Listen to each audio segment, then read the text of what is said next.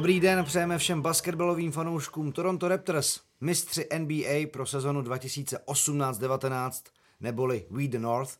Kanadský tým dokázal využít zdravotních lapálí Golden State Warriors, které se sadil z trůnu. Krátce po finále se dal do pohybu i trh s volnými hráči a velkou roli v prognózách na další sezonu sehrál samozřejmě i draft – kde se očekávanou jedničkou stal generační talent Zion Williamson. A českou ženskou reprezentaci čeká po dva roky staré domácí blamáži další evropský šampionát. K tomu všemu se v dalším Basketball Focus podcastu vyjádří dva Jakubové. Eichler z PR oddělení České basketbalové federace. Ahoj. Ahoj. A Kanta z Českého rozhlasu Radiožurnál. Ahoj i tobě. Čau. Od mikrofonu zdraví Jiří Kalemba. Tak pojďme na to. Nejprve tedy se vrátíme k finále NBA, k jeho dozvukům nějaký váš oblíbený moment, eh, věm, který si odnášíte z téhleté letošní série, kterou jsem tady mimochodem já při posledním podcastu říkal, že Toronto vyhraje.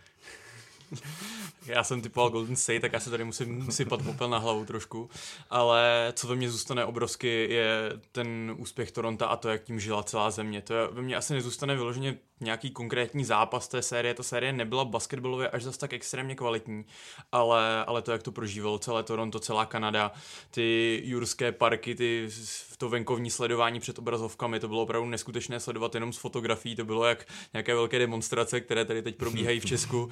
A, Takže hrstka, hrstka fanoušků v podstatě. Přesně, tady přišli na koncert a to, to, jak se všichni spojili za Raptor, za tím jediným kanadským týmem v NBA, to bylo opravdu jako velká paráda. Bylo to asi trošku tím, že z těch výher Golden State už jsou fanoušci i v Americe trošku asi unavení, takže Toronto mělo opravdu velkou podporu a to byla nádhera to sledovat, jak tím fanoušci žijí. Myslím si, že i vlastně nestraní fanoušci asi se pak v průběhu té finálové série přidali právě na stranu Toronto, protože nikdo moc nechtěl v uvozovkách, hmm. aby vlastně třípít eh, dokázali předvízt basketbalisté Golden State.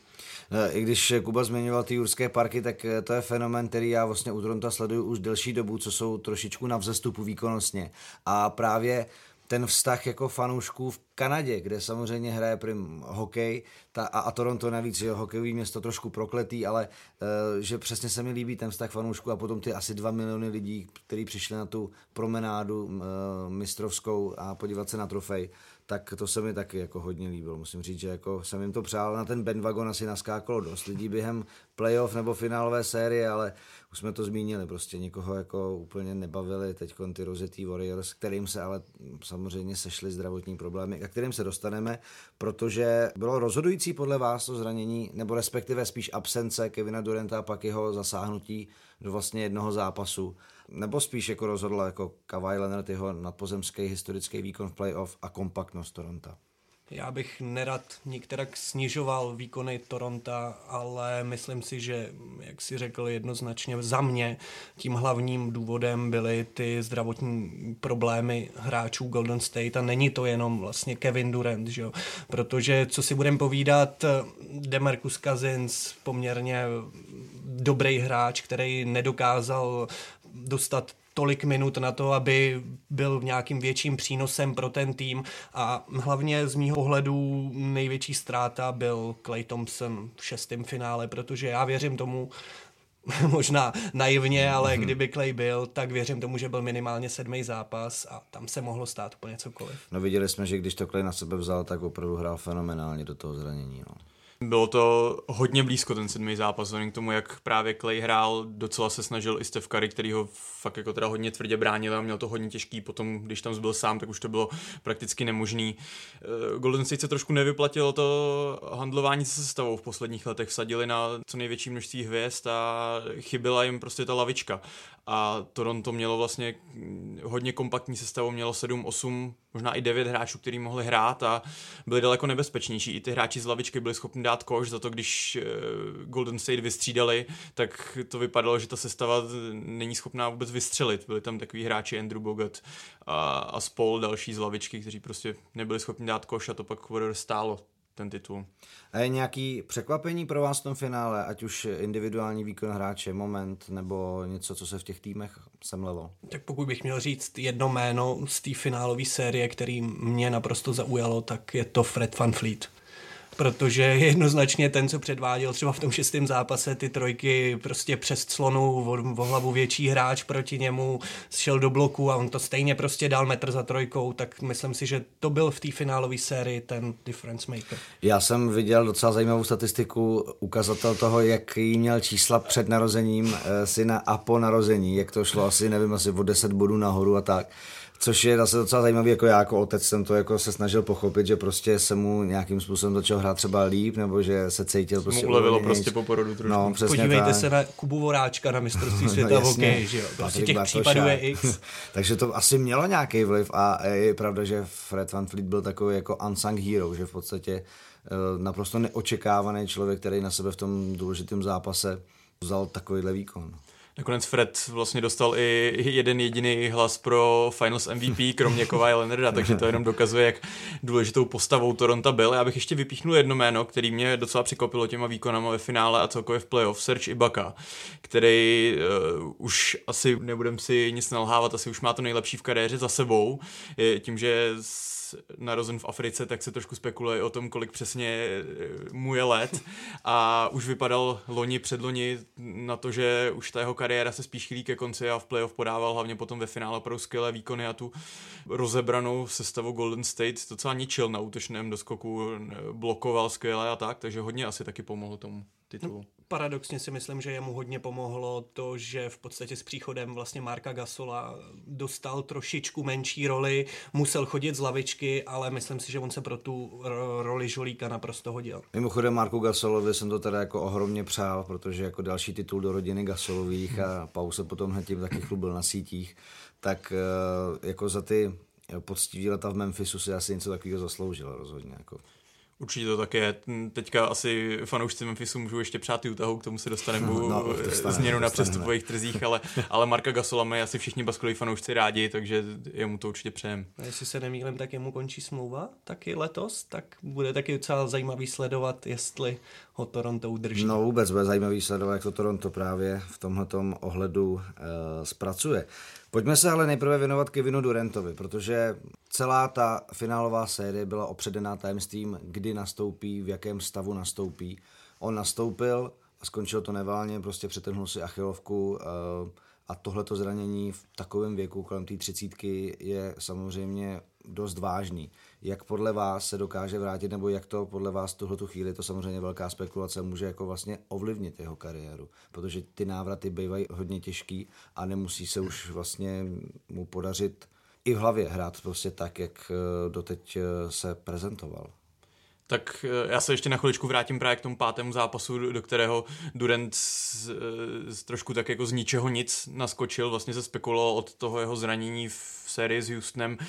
Prakticky před každým zápasem se řešilo, jestli do tohohle zápasu nastoupí a oznamovalo se to až Golden State to oznamovali až na poslední chvíli a, a ten pátý zápas začal opravdu excelentně. To byl asi nejlepší zápas té série, ta první čtvrtina byla parádní přestřelka mezi právě posílenými Golden State a, a Torontem a myslím si, že i když se právě ta většina fanoušků pře, přesunula na stranu Toronto a držela palce Torontu, tak tohle asi nepřál Durantovi nikdo mm. a, a je to velká smůla pro, pro celou ligu, protože teď to léto přestupové má být, má být opravdu velké a jedna z těch hlavních postav najednou celý rok zřejmě nebude hrát, takže ta historie těch hráčů, kteří se vraceli po zranění achilovky, opravdu není moc pozitivní. Hráči jako Kobe Bryant a spousta dalších, tak ti se nevraceli úplně ve 100% formě a už nikdy tak 100% nebyli, takže mám mám trošku o, o KDho strach. No samozřejmě ono se začalo eh, mluvit o tom, jestli to prostě Warriors neúspěchali, že samozřejmě ten tlak a ten vývoj té finálové série tomu asi nepomohl. Na druhou stranu věřím, že i on chtěl tomu týmu pomoct, protože viděli jsme ty záběry, kdy vlastně po každý eh, v tom koridoru ušaten se s týmem zdravil, hecoval tým, jakože to nebylo vidět, že to je hráč na odchodu, že prostě on tam chtěl zanechat jako otisk a strašně s tím týmem jako žil. No vlastně i hráči z lavičky, jestli se nepletu, tak v tom šestém zápase nosili mm, jakoby ty trička převlíkací s jeho jmenovkou, s jeho číslem. Bylo vidět, že prostě spolu žijou cel, celý, celý tým, že žije s Durentem. Eh, ale já bych se chtěl vrátit přesně k tomu, o čem mluvil Kuba eh, to zranění v tom pátém zápase proti tomu Houstonu, kdo to viděl, tak eh, pro mě bylo překvapení, že se vůbec jako od začátku mluvilo o tom, že by se ještě mm, do té série mm. mohl vrátit. Nedej bože pak do finále, že jo, konference A ve finále já si myslím, že to sice se říkalo, že je to vlastně úplně jiný typ zranění, že to nesouvisí s tím zraněním, který si přivodil předtím, ale podle mě musel podvědomě něco trošku šetřit a prostě došlo na tu achilovku. A teď zas já si trošku myslím, že Kevin Durant, jako samozřejmě je to atletický hráč, ale nemá tu hru zas až tak postavenou na nějakým přehnaném skákání, prostě nechci říct, že je pomalej, ale jeho devíza je prostě střelba. Hmm samozřejmě často střílí z jumpu, ale myslím si, že jeho hru to zas až tak ovlivnit nemusí, pokud ho to zranění vyléčí a nebude ho příliš limitovat. Jako takhle, já samozřejmě nejsem fyzioterapeut, ale on mi přijde jako takový ten typ papíráka, jo, že zase on na druhou stranu ta jeho konstituce, eh, ta muskulatura není tak velká, takže se měl bych asi obavu, aby při podobném typu toho pohybu, protože ten pohyb vlastně nebyl nějak abnormální, byl to takový klasický kat. A jako bál bych se, když bych se měl jako zamyslet nad tím, jaký pohyby člověk na tom křídle dělá, tak uh, jako určitě bych se necítil komfortně, ale je to samozřejmě na něm, je to před ním ohromně dlouhá cesta. A druhá věc, nebo poslední věc, která s tím byla spojená, byla vlastně ohromná kauza té reakce fanoušků Toronto, Eh, kteří se nezachovali v tu chvíli, on se to potom hrozně propíralo a, a Toronto se omlouvalo vlastně za fanoušky, Drake se omlouval a ten to taky strašně prožíval, že, um, že vlastně v tu chvíli to jako úplně sportsmanship uh, trošku postrádalo, ale jako zase chápu to zapálení těch lidí, že věděli, že Golden State přicházejí o svoji jako velkou zbraň, která by jim mohla hrozně pomoct. No. To byla otázka jenom těch prvních pár sekund, zřejmě jakmile, eh, jakmile bylo vidět, že to Durantovo zranění je vážnější a že to nebyla jenom ztráta, mm. kdy mu hmm. utekl míč, protože tam vlastně ta hra pokračovala ještě do protiútoku. Toronto zakončovalo, myslím, že dalo i koš a až potom teprve se vlastně přerušila hra, takže eh, fanoušci možná taky i trošku jako fandili tomu rychlému protiútoku a, a radovali se z té ztráty Warriors a skvěle se teda zachovali i hráči Raptors, Kyle Lowry, myslím, tam byl na hřišti Serge Ibaka, který začali okamžitě mávat na fanoušky, ať se sklidní, ať přestanou hmm. fandit v tuhle tu chvíli, že to opravdu je něco vážného a uh, asi byla to jenom asi hrstka fanoušků z televizních záběrů, to vypadalo dost, dost blbě, protože právě přesně z toho záběru na Durenta tam pár diváků u hřiště na něj něco mávalo, řady. něco hmm. na něj gestikulovalo, tak to nebylo, nebylo moc hezké, ale ale myslím si, že většina fanoušků je, je rozumná, dokázala to pochopit a pak se přesně pak se omluvili a těch bezprostředních reakcí v nějakém návalu emocí ve sportu je hodně prostě. To hmm. s tím se nedá nic dělat. No a to druhý zranění, který potkalo Golden State, Clay Thompson eh, v posledním zápase vlastně eh, po smeči a jeho špatný dopad a vlastně přetržený eh, skřížený vazy v koleni. O Thompsonovi se taky mluvilo jako o hráči, který pravděpodobně by Golden State měl opustit. Hovořilo se v souvislosti s tím o Lakers eh, jako o jedné alternativě. A teď je samozřejmě otázka, jak to bude. Jestli Durant a Thompson budou žádané zboží a nějaký tým je po tom zranění vlastně bude schopný vzít, anebo jestli zůstanou Golden State a dají se dokupy a vlastně Golden State zůstane ta palebná síla stejná. Je tohle to jako určující pro to, jestli Golden State zůstanou tím title contenderem na západě v takovém rozsahu, v jakém jsou. No je to hodně zvláštní situace pro, pro Warriors, protože oni mm, určitě by rádi oba dva ty hráče udrželi, uh, i Durenta, tak Clay Thompsona, ale bude to pro ně hodně komplikované, protože pokud je udrží, tak uh, najednou už nebudou mít zase žádné peníze, stejně jako hmm. v, v minulých letech na další posily, akorát, že na tu příští sezónu ty posily budou potřebovat, protože uh, přetržené křížové vazy, co má Clay Thompson, tak to není úplně celá sezóna, spekuluje se, že by se v průběhu ní měl vrátit, ale ty hráči přece jenom se ještě do toho nějakou dobu dostávají, Durant nebude hrát zřejmě vůbec, takže eh, oni je sice můžou prodloužit, a, ale nebudu je mít dispozici pro většinu téhle té sezóny. možná celou, přesně, možná hmm. celou sezónu jako nebudou moc ani hrát. A to v podstatě můžete, nebo ne, že to můžete škrtnout, samozřejmě Steph Curry zase jako může být lídr, tak jak se ukázal při tom zranění, pořád máte Draymonda Greena, Andreho Igudalu, ale jako s moc dalším arzenálem nemůžete počítat. No. A ty hráči už taky, jako zrovna Iggy, teda toho no, jsme jasně. mohli taky možná zmínit v tom, že třeba v tom posledním zápase zahrál naprosto neskutečně třeba oproti těm předchozím, ale taky měl v playoff zdravotní problémy a hlavně už je to prostě hráč, který má je, no. jednoznačně to nejlepší za sebou. Hmm.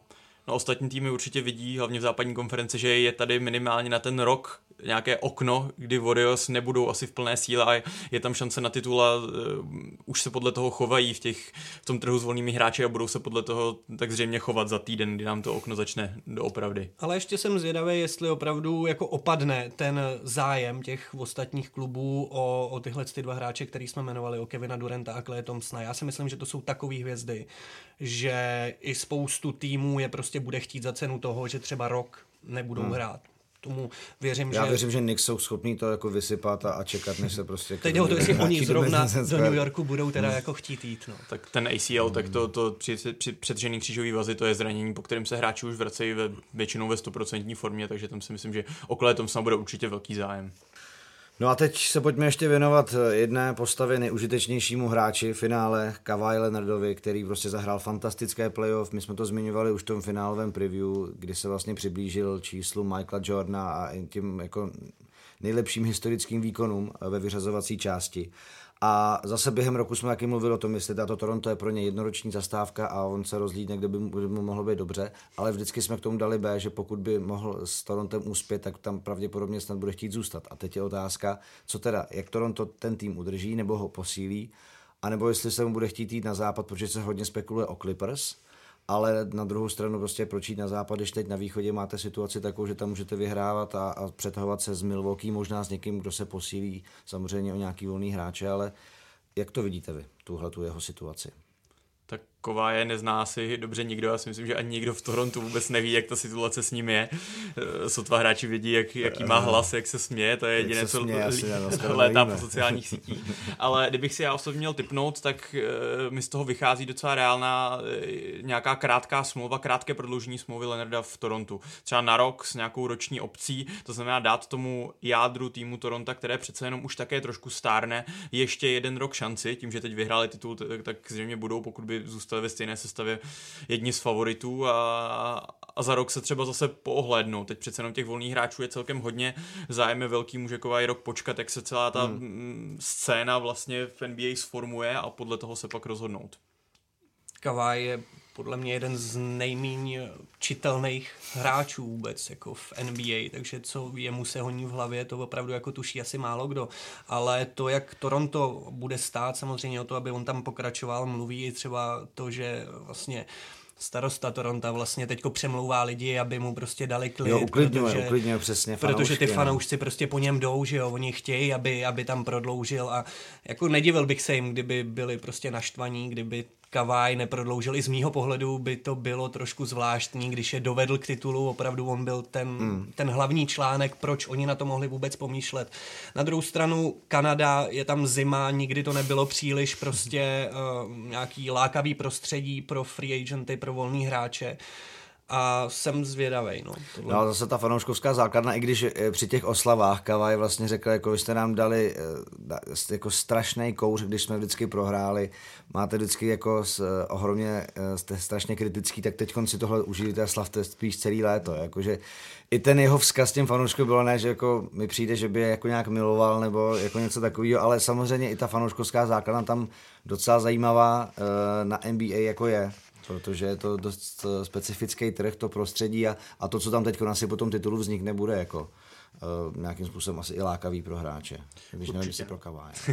tak uh, Kaváj asi to, Toronto vlastně nic nedluží. On s, hmm, uh, si nepřál tam být vytradován. Mluvilo se o tom, že chce do Kalifornie, když uh, San Antonio uh, se dev, konečně odhodlalo k tomu, že ho vymění.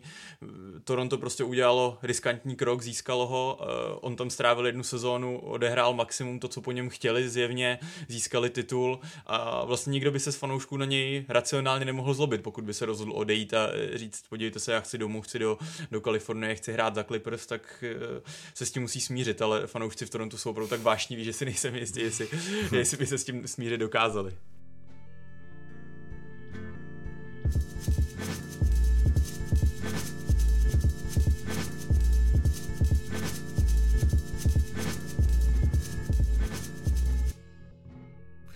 Pojďme se tedy teď věnovat volným hráčům a také draftu. Tou první přestupovou bombou byl přestup Anthonyho Davise, který tedy nakonec skončil v Lakers, jak už se o tom spekulovalo během sezony. Uh, Lakers šli all in, bylo jasné, že i během sezony tam v podstatě padala všechna jména na rostru. Teď tedy přijdou od talentované hráče, jako jsou Ball, Ingram, Hart, plus tři volby v prvním kole draftu. Jakube Eichlera, který tady máš na sobě tričko Los Angeles Lakers. Jak tenhle ten trade vlastně hodnotíš? Lakers šli all in, chtěli druhou hvězdu k Lebronovi, možná ještě někoho třetího přivedou, ale nepatří teď spíš budoucnost Pelicans podle toho, co dávali dohromady s tím draftem? Tak já bych jenom na úvod chtěl říct, že na zádech toho trička je eh, jméno Lonzo Bola, který byl pro mě velmi oblíbeným hráčem a eh, popravdě... Jo, máš to tam. Jo. Mám to tam, no. Takže uh, pro, mě, pro mě je to vlastně taková jako hořko-sladká situace. Už to bylo loni a když vlastně přišel LeBron, tak já jsem si nebyl jistý, jestli, jestli je to ta, to správný, ten správný fit, jestli se to k sobě hodí, ta, mm, ten mladý tým Lakers, který sbíral ty výběry v draftu a postupně se snažil zlepšovat a šel postupně nahoru a najednou tam přivez hráče, který potřebuje do dvou, tří let eh, ten kádr maximálně využít a jít na titul a tak. A, a Lakers ten svůj proces urychlili a teď ho urychlili ještě víc, protože zbavili se všech těch mladých hráčů, ty jsou všichni pryč. A vsadili prostě všechno na Lebrona a na Anthonyho Davise a musí doufat, že to dobře dopadne, protože jestli to nedopadne, tak za, e, za Davise zaplatili Pelicans opravdu neskutečné množství těch výběrů v draftu, těch, těch eh, swapů, těch výměn v draftu do příštích asi osmi let, takže opravdu pokud to nevíde, pokud se Davis, což se může stát, nevydrží zdraví, tak, tak se Lakers budou příštích deset let potácet někde na dně ligy, takže teď vsadili na příští sezónu možná dvě a šli do toho naplno. No. Hmm budou chtít podle mě určitě získat ještě jednu nějakou hvězdu na trhu s volnými hráči, protože zase jenom, nebo jenom, jenom s Lebronem a s Anthony Davisem eh, nechci je nikterak snižovat, ale viděli jsme to třeba právě letos u, u Golden State, že pokud tam máte pouze jenom dva tři dominantní hráče a nic k tomu, tak to budou mít hodně těžký. Zase na druhou stranu jsem zvědavý na to, jak si i tyhle ty dva budou třeba na hřišti rozumět, protože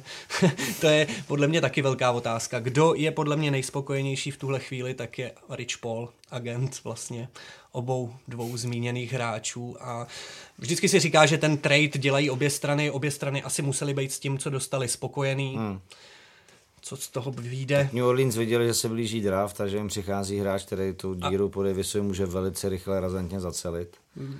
Jo. A navíc jako přesně jako další mladý jádro hráčů, který můžou jako ten tým tvořit po několik let, no, takže tam bych to asi, asi a pro mě je ještě možná no. důležitější to, že vlastně získali ještě další tři první kola. Hmm. Jako tři roky, hmm. prostě Lakers úplně bez prvního draftu a oni minimálně, je to, mě to připomíná hodně trošku pozici třeba Bostonu před pár lety, když se Danny Ainge zbavil Paula Pierce, Kevina Garneta do Brooklynu a vlastně těžili z toho ještě do loňské sezóny. Hmm většinou se vlastně říká, že ten trade vyhrává ten tým, který získá nejlepšího hráče, protože to je to, o co tam vlastně v NBA jde, jde o ty hvězdy, kteří dokážou rozhodovat zápasy, ale u tohohle případu si tím nejsem stoprocentně jistý. Davis je o deset let mladší, než byli Paul Pierce s Kevinem Garnettem, když šli do Brooklynu, ale ale nejsem si u tohohle tak jistý, že to byl úplně ten nejsprávnější krok, ale Lakers nic jiného nezbývalo v no, tu chvíli. Ale možná samozřejmě bude otázkou ten třetí kamínek do mozaiky, jestli se fakt podaří nějaký jméno typu Kemba Walker nebo něco takového, ale pak už tam pod tím platovým stropem asi nezbyde moc peněz na ty další hráče a je pak jako otázku toho vedení,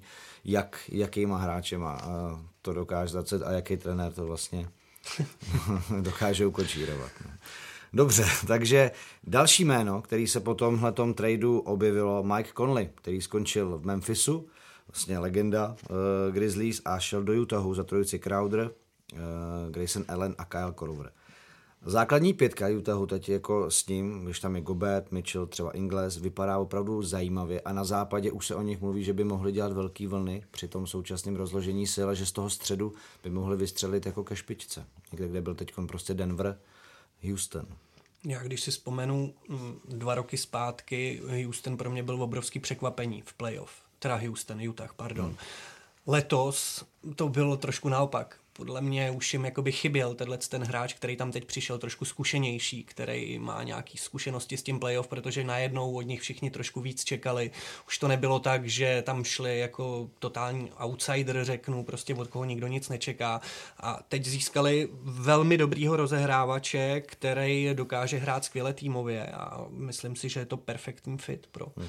pro Utah k těm mladým hráčům, o kterých ty si tady mluvil tak Utah uh, dlouhodobě není žádná destinace, do které by rádi odcházeli hráči, jako, s kterým skončí smlouva volní hráči, takže jim nezbývá nic jiného, než, než dělat trady a než se snažit získat ty hvězdy tímhletím způsobem. Takže pro ně to byl určitě správný krok a uvidíme, jak si sednou s Donovanem Mitchellem, s mladou vycházející hvězdou Utahu. Ještě bych to vzal trochu ze strany Memphisu, který teďka, kterému to krásně vyšlo celé ta, tohleto vlastně neúspěšná loňská sezóna, protože eh, oni ocenili to, kolik toho pro ně Mark Gasol a Mike Conley odpracovali. Marka Gasola prostě, i když za něj vlastně nedostali tolik na zpátek od Toronto, tak ho vyměnili tam, kam on chtěl, do týmu, který hraje o titul.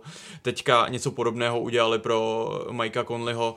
Trošku byla pro ně výhoda to, že v té draftové loterii získali druhý pick, k čemu se dostaneme, vybrali si rozehrávače, takže eh, oni vlastně Mikea Conleyho nepotřebovali, už se jim nehodil věkem do té, do té jejich mladé sestavy, do, té, do toho omlazeného týmu, takže uh, uvidíme, co tak dokáže, já se na ně hodně těším.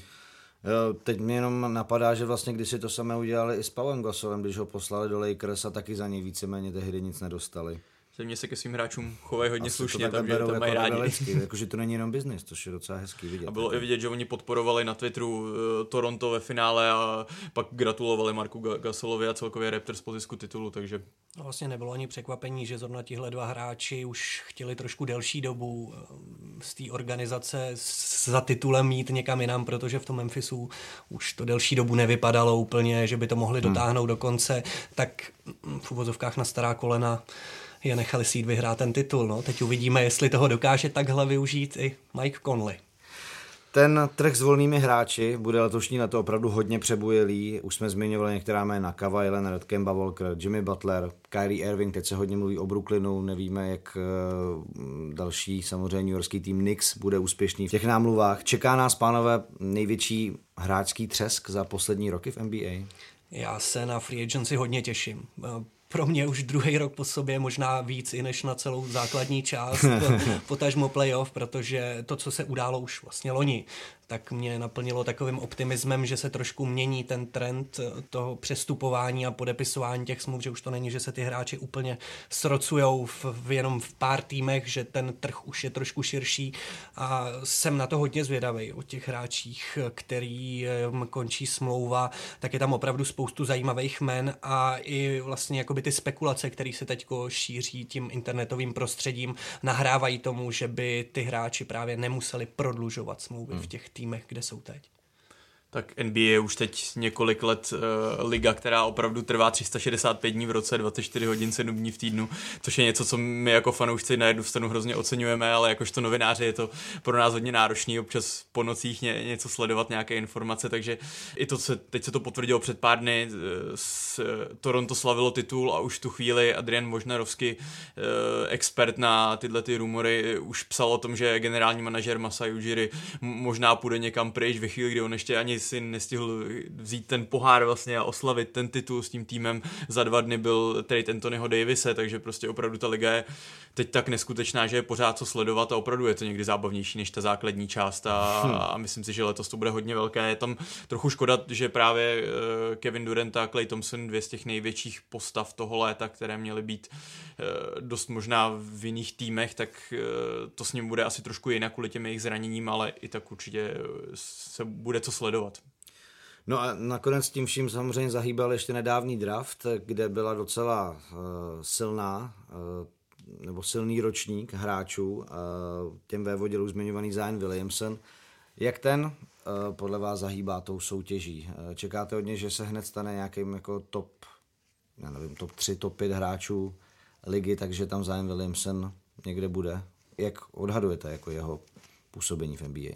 Tak uh, myslím si, že to bude hvězda Instagramu a Twitteru pro příští sezónu. Oni asi New Orleans postavili ten kádr i díky tomu tradu právě za Anthonyho Davise s Lakers, tak postavili ho, hodně ho omladili, budou prostě stavět úplně od začátku na, na Zionovi a na, na těch mladých hráčích Lakers a uvidí, jak to, jak to dopadne, takže já si myslím, že hlavně v první sezóně ten západ asi bude dost našlapaný podle toho, jak se to tam celé přesype v, na tom trhu s volnými hráči, ale že New Orleans asi úplně nebude třeba mířit do playoff, ale myslím si, že nějakých 35 30 výher by mohli získat a Zion bude podle mě plnit ty top teny na, na YouTube a na, na sociálních sítích eh, neskutečnými danky a bude opravdu radost ho sledovat. Nevím, jestli bude úplně ten top 5 hráč hned, protože ta liga je fakt v posledních letech hodně, hodně, hodně našlapaná a ještě ho čeká asi spousta práce, bude to pro něj změna najednou hrát proti podobně silovým hráčům, přece jenom na té univerzitě to bylo vidět, tam byl úplně mezi nimi jako tank, to se v NBA v nějakých zápasech asi dít bude, ale ne tak často, když narazí do Lebrona, tak Lebrona si úplně ne, hmm. jen tak od něj neodskočí a asi nějaké bloky najednou dostane, které nedostával na univerzitě, ale,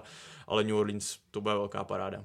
Ale budeme si asi muset chvíli počkat, než, než rozjedou tady ten kolotoč, protože mm, talent vám nikdy úspěch přímo nezaručí. Máme tady napříč NBA víc týmů, který měli i víc jedniček draftu na roustru a do dneška se patlají v uvozovkách, třeba v prostředku tabulky, teď mi napadá Minnesota, která se taky pokoušela prostě s tím týmem něco udělat, spoustu talentovaných hráčů. Budou potřebovat jednoznačně čas, ale to, že je to prostě hráč, který bude asi plnit eh, ty highlighty a to, na tom se tady asi všichni shodneme.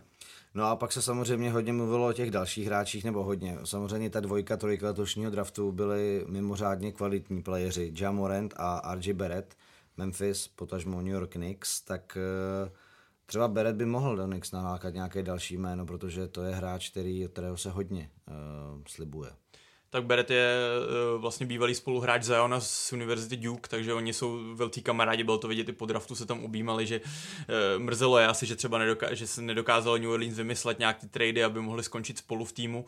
Uh, on byl Beret vlastně celou sezonu trošku ve stínu mm. Ziona, o kterém se vlastně strašně moc mluvilo, plnil ty první stránky médií, ale Beret je opravdu velmi dobrý hráč a, a Knicks zase po letech udělali velmi dobrý krok v draftu, vybrali si toho správného hráče na té pozici 3 a nevím, jestli úplně hned teď v první sezóně může Beret eh, při, přilákat nějaké volné hráče, že by chtěli hrát s, já nevím, 19-letým, 20-letým klukem, ale pokud během sezóny dvou ukáže, že ty střelecké schopnosti má, které by on měl mít, pokud to dokáže potvrdit na tom nejvyšším levelu NBA, tak, tak Knicks budou zase silní a mě to hrozně mrzí, že Knicks, že Knicks nejsou, nejsou na špičce ligy, protože ty jejich zápasy jsou opravdu velmi zábavné, to jak to uh, hučí i v televizi v Madison Square Garden, když uh, hrají Knicks dobře, to mi, hrozně mi to chybí. A bych hmm. rád, aby byli zase někde aspoň jako v okruhu playoff. Já jsem tam byl, když měl tu sezonu, kdy měl asi 10 výher a i tak to tam hučelo. Poslední zápas proti Detroitu úplně, úplně zbytečný zápas už, který nic neřešil a i tak ta atmosféra tam je prostě jako mimořádná, je to úžasné místo a jako samozřejmě, ehm, když jste členem New York Knicks, tak uh, ta kritika ze strany médií, fanoušků, ten tlak, to musí být děsný. Ale zároveň ta odměna toho, že prostě jste úplně jako ve světle reflektoru na jednom z nejposvátnějších míst basketu, musí být taky super. A co se týče uh, Bereta, tak já si pamatuju, když vlastně byla ta loterie draftu a fanoušci Knicks, který se těšili, že po letech zase budou mít tu jedničku, něco jako Petrika Ewinga, který hmm. prostě změnil směr Knicks na pár let, tak uh, to jako někteří opakali a ten, pamatuju si toho reportéra říkal, nebračte, RJ Barrett možná je lepší volba než Zion, Zion a uvidíte, že vám jako něco dobrýho přinese. Tak jako na, na Nix a Bereta jsem hodně zvědavý, Jamoren to je prostě taky vynikající hráč.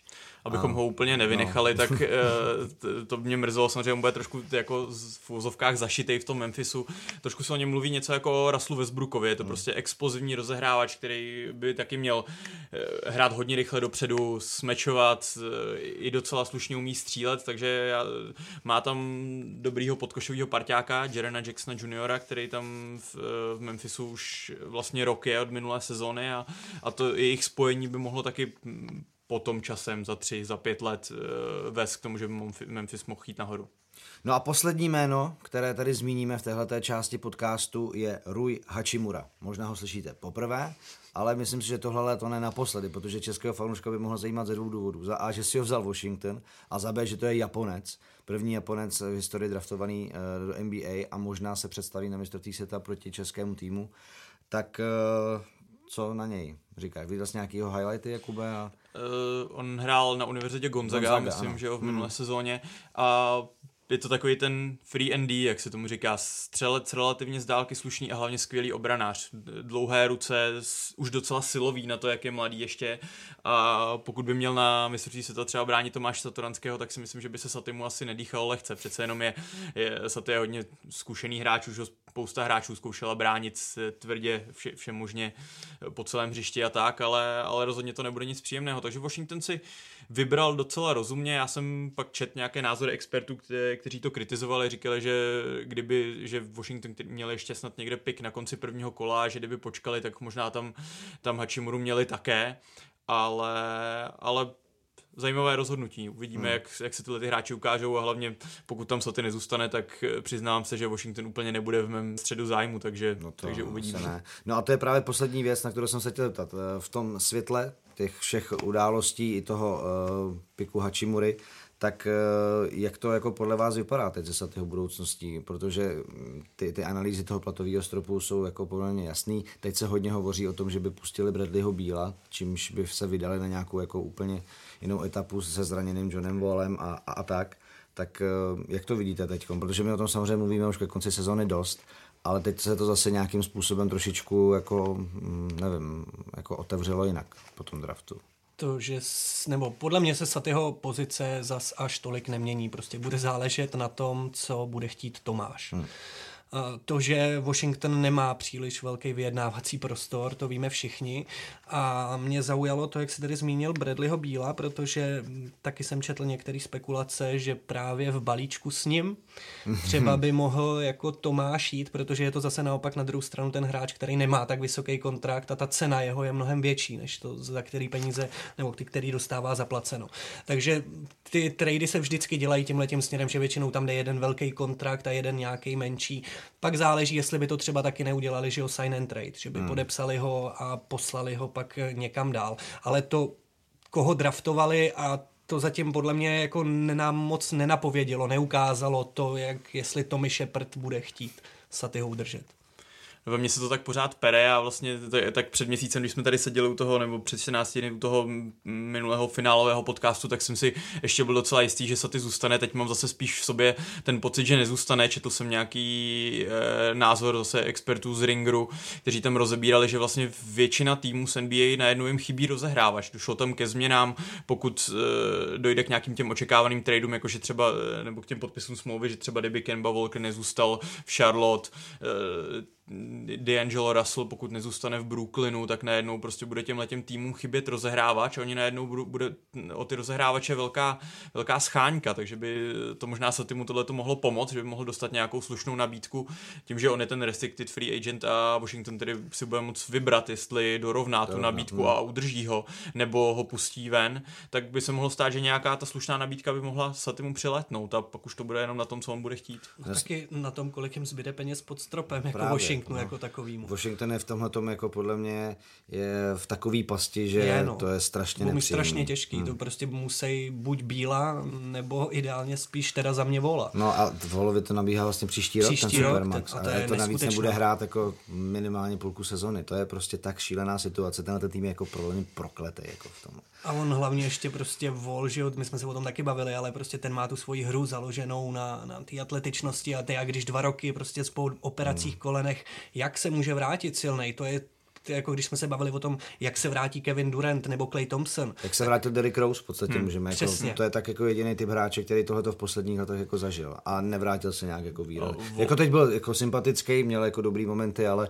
není to Derrick Rose není, MVP no. sezóny prostě. No. A Volsat má taky tu achilovku, myslím, jestli si to pamatuju dobře nějak, takže, takže to je hmm. jako drtivý zranění pro něj, pro hráče, který je opravdu založený na rychlosti, tak a neumí za tolik střílet nebo nemůže se na tu střelbu tolik spolehnout v NBA, tak No Washington čekají opravdu krušná hmm. léta, abych byl radši, kdybych ten tým sledovat nemusel, protože byl bych radši, ale... kdyby Saty hrál někde jinde, ale zase budovat si pozici někde. Mluvil si o Charlotte, jo, Kuba Kudláček zavolá Michael, Kemba Volker odejde a, a Saty prostě bude sršeň, no, tak uh, proč ne? OK, dobře, tak uvidíme, co nám trh s volnými hráči nabídne, pak si to tady třeba za pár týdnů zase zrekapitulujeme.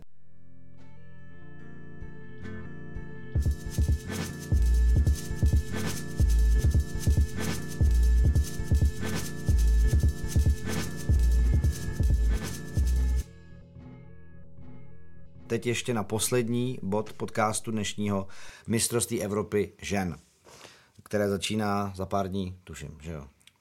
27. první zápas. No tak to už je opravdu za chvilku. S Francií. Výrazné zdravotní patálie českého týmu v přípravě. Trenér Štefan Cvitek nakonec nemusel ani zužovat kádr, což je dost ojedinělá situace, protože prostě musel zjít všechno, co mu zbylo. Takže do Rigi vzal hráčky, které měl k dispozici. Češky teď porazili v posledním přípravném zápase Chorvatky, předtím Slovenky. Jak se vám hrát a sestava národního týmu pozdává před tím šampionátem, pánové? Tak ta příprava nakonec dopadla velmi slušně, musím říct, na to, jak ten tým byl vlastně v úvozovkách zdevastovaný těmi zraněními.